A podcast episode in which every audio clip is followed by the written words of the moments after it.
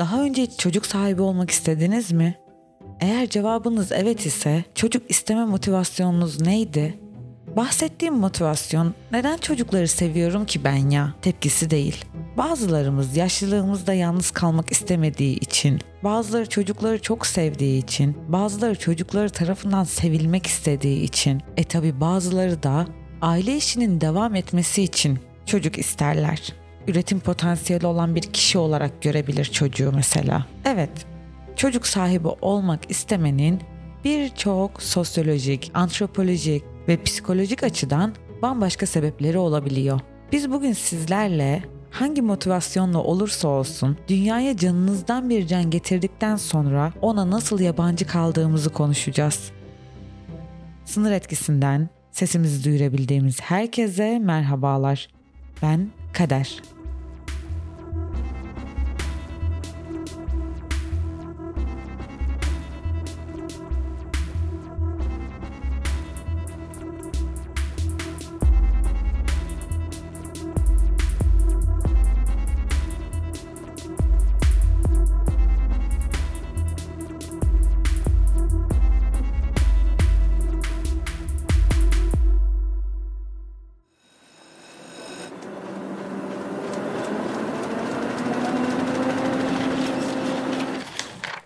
عنب بلدي بودكاست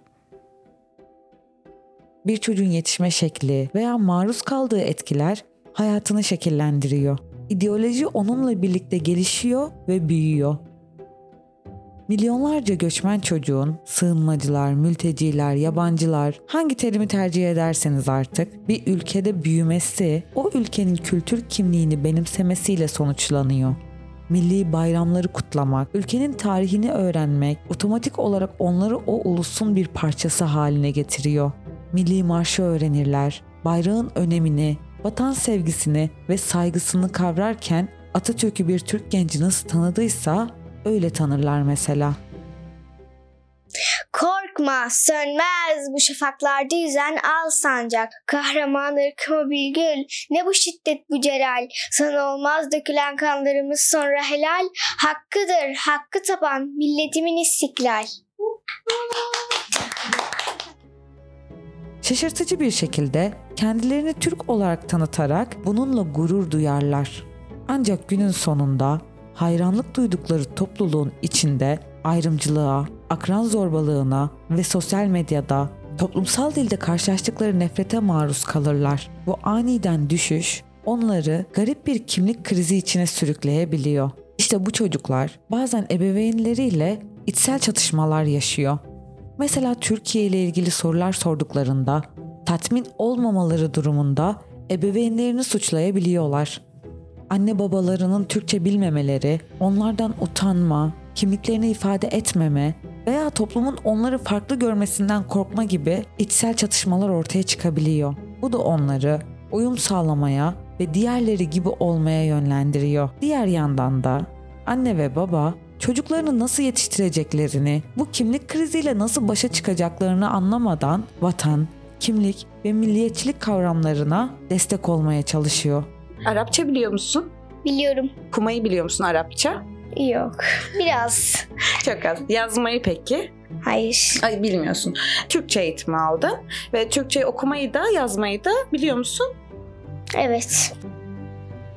Örneğin Türkiye'ye gelmiş bir göçmen, burada doğup büyüyen, burada eğitim alan çocuğuna evde de ayrı bir okul açmak durumunda kalıyor. Kendi geldiği yerin, kendi geldiği kültürün, ana dilin, tarihin okulunu açıyor.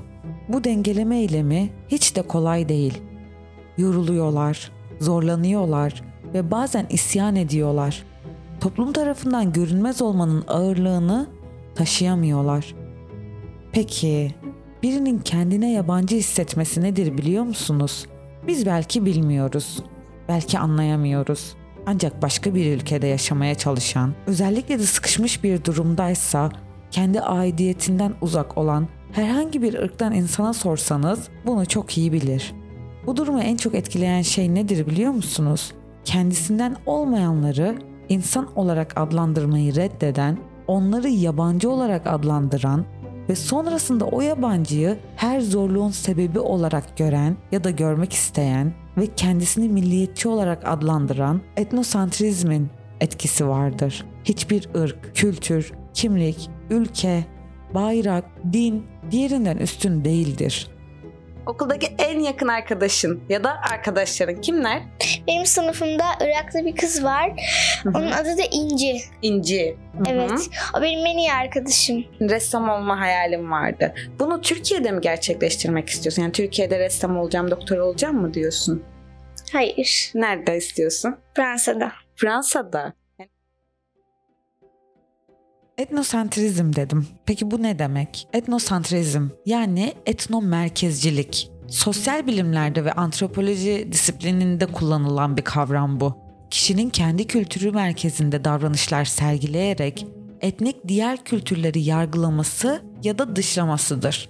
Bu yargılama genellikle olumsuz olduğu için bazı insanlar bu terimi bir kişinin kültürünün diğerinden daha üstün veya daha doğru veya normal olduğu inancına atıfta bulunmak için kullanırlar. Ve özellikle dil gibi her bir etnik kökenin kültürel kimliğini tanımlayan ayrımlarla ilgili olarak davranış, gelenekler ve din olgusuyla yargılar. Yaygın kullanımda da kültürel olarak ön yargılı herhangi bir yargı anlamına da gelebiliyor. İşte bazen ırkçılık, stereotipleme, ayrımcılık veya yabancı düşmanlığıyla da ilişkilendirilebiliyor. E tabi her zaman olumsuz bir görüşü içermeyebilir bu kavram. İşte başta bahsettiğimiz göçmen ya da mülteci anne babaların yabancı ülkelere yerleştiğinde çocuklarının iki kimlik arasındaki sıkışıp kalmışlığını o krizini gördüklerinde yaşadıkları şey etnosantrizm olabiliyor bazen. Neden bizim geleneklerimizi öğrenmesin ki? Neden bizim tarihimizi öğrenmesin? Bu düşüncelere giriyor anne babalar. Çünkü her insan kendi kimliği ve değerleriyle özeldir. Kendisini onlarla birlikte geliştirir ve büyütür. Onlar için o değerlerin aidiyetin bir özelliği vardır. İşte bugün bahsettiğimiz anne ve babaların çocuklarına karşı yabancı hissetme durumu da bence göç hayatının ve göçmenliğin yarattığı sorunlardan biridir. Sınır etkisini dinlediniz. Bizi nereden, hangi zaman diliminde dinliyorsanız hepinize günaydın, iyi günler, iyi akşamlar ve iyi geceler diliyorum.